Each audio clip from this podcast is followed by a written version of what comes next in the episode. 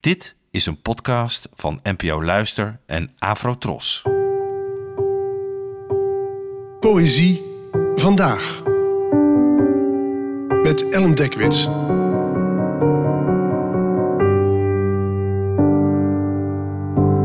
Hallo, fijn dat je luistert. Het gedicht van vandaag heet Geheime Plaats en werd geschreven door de Britse dichter Michael A. Campbell. Geboortejaar onbekend en het werd vertaald door mij. Geheime plaats.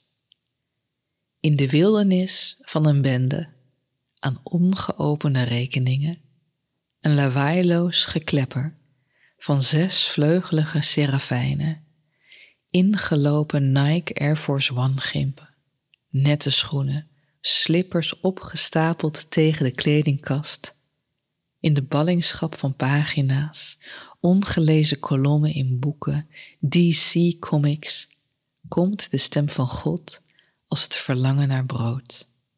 Een hongerroep die je laat neerliggen met een lege buik om de maag te stillen. In een pelgrimage aan tranen, een altaar bij het bed, het wassen van de voeten van de meester op het firmament van een voetenbankje. Op deze plek, gemaakt van woorden, zijn er tedere kussen, verward gefluister dat alleen door de ogen wordt gesproken.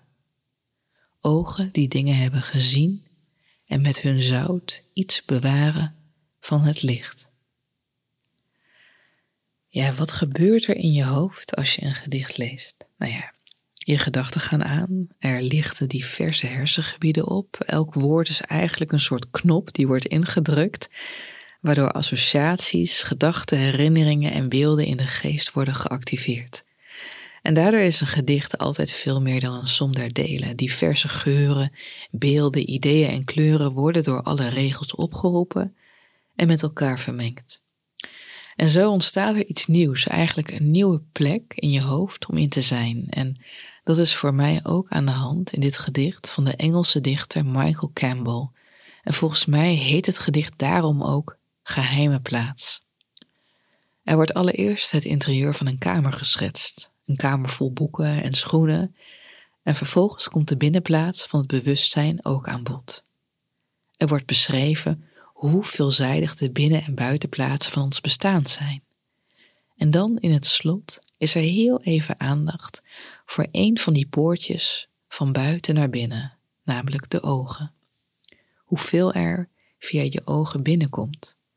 En hoe ook het zout van de traanvocht niet alleen de dingen bewaart die verdrietig zijn, maar ook mooie, zoals het licht.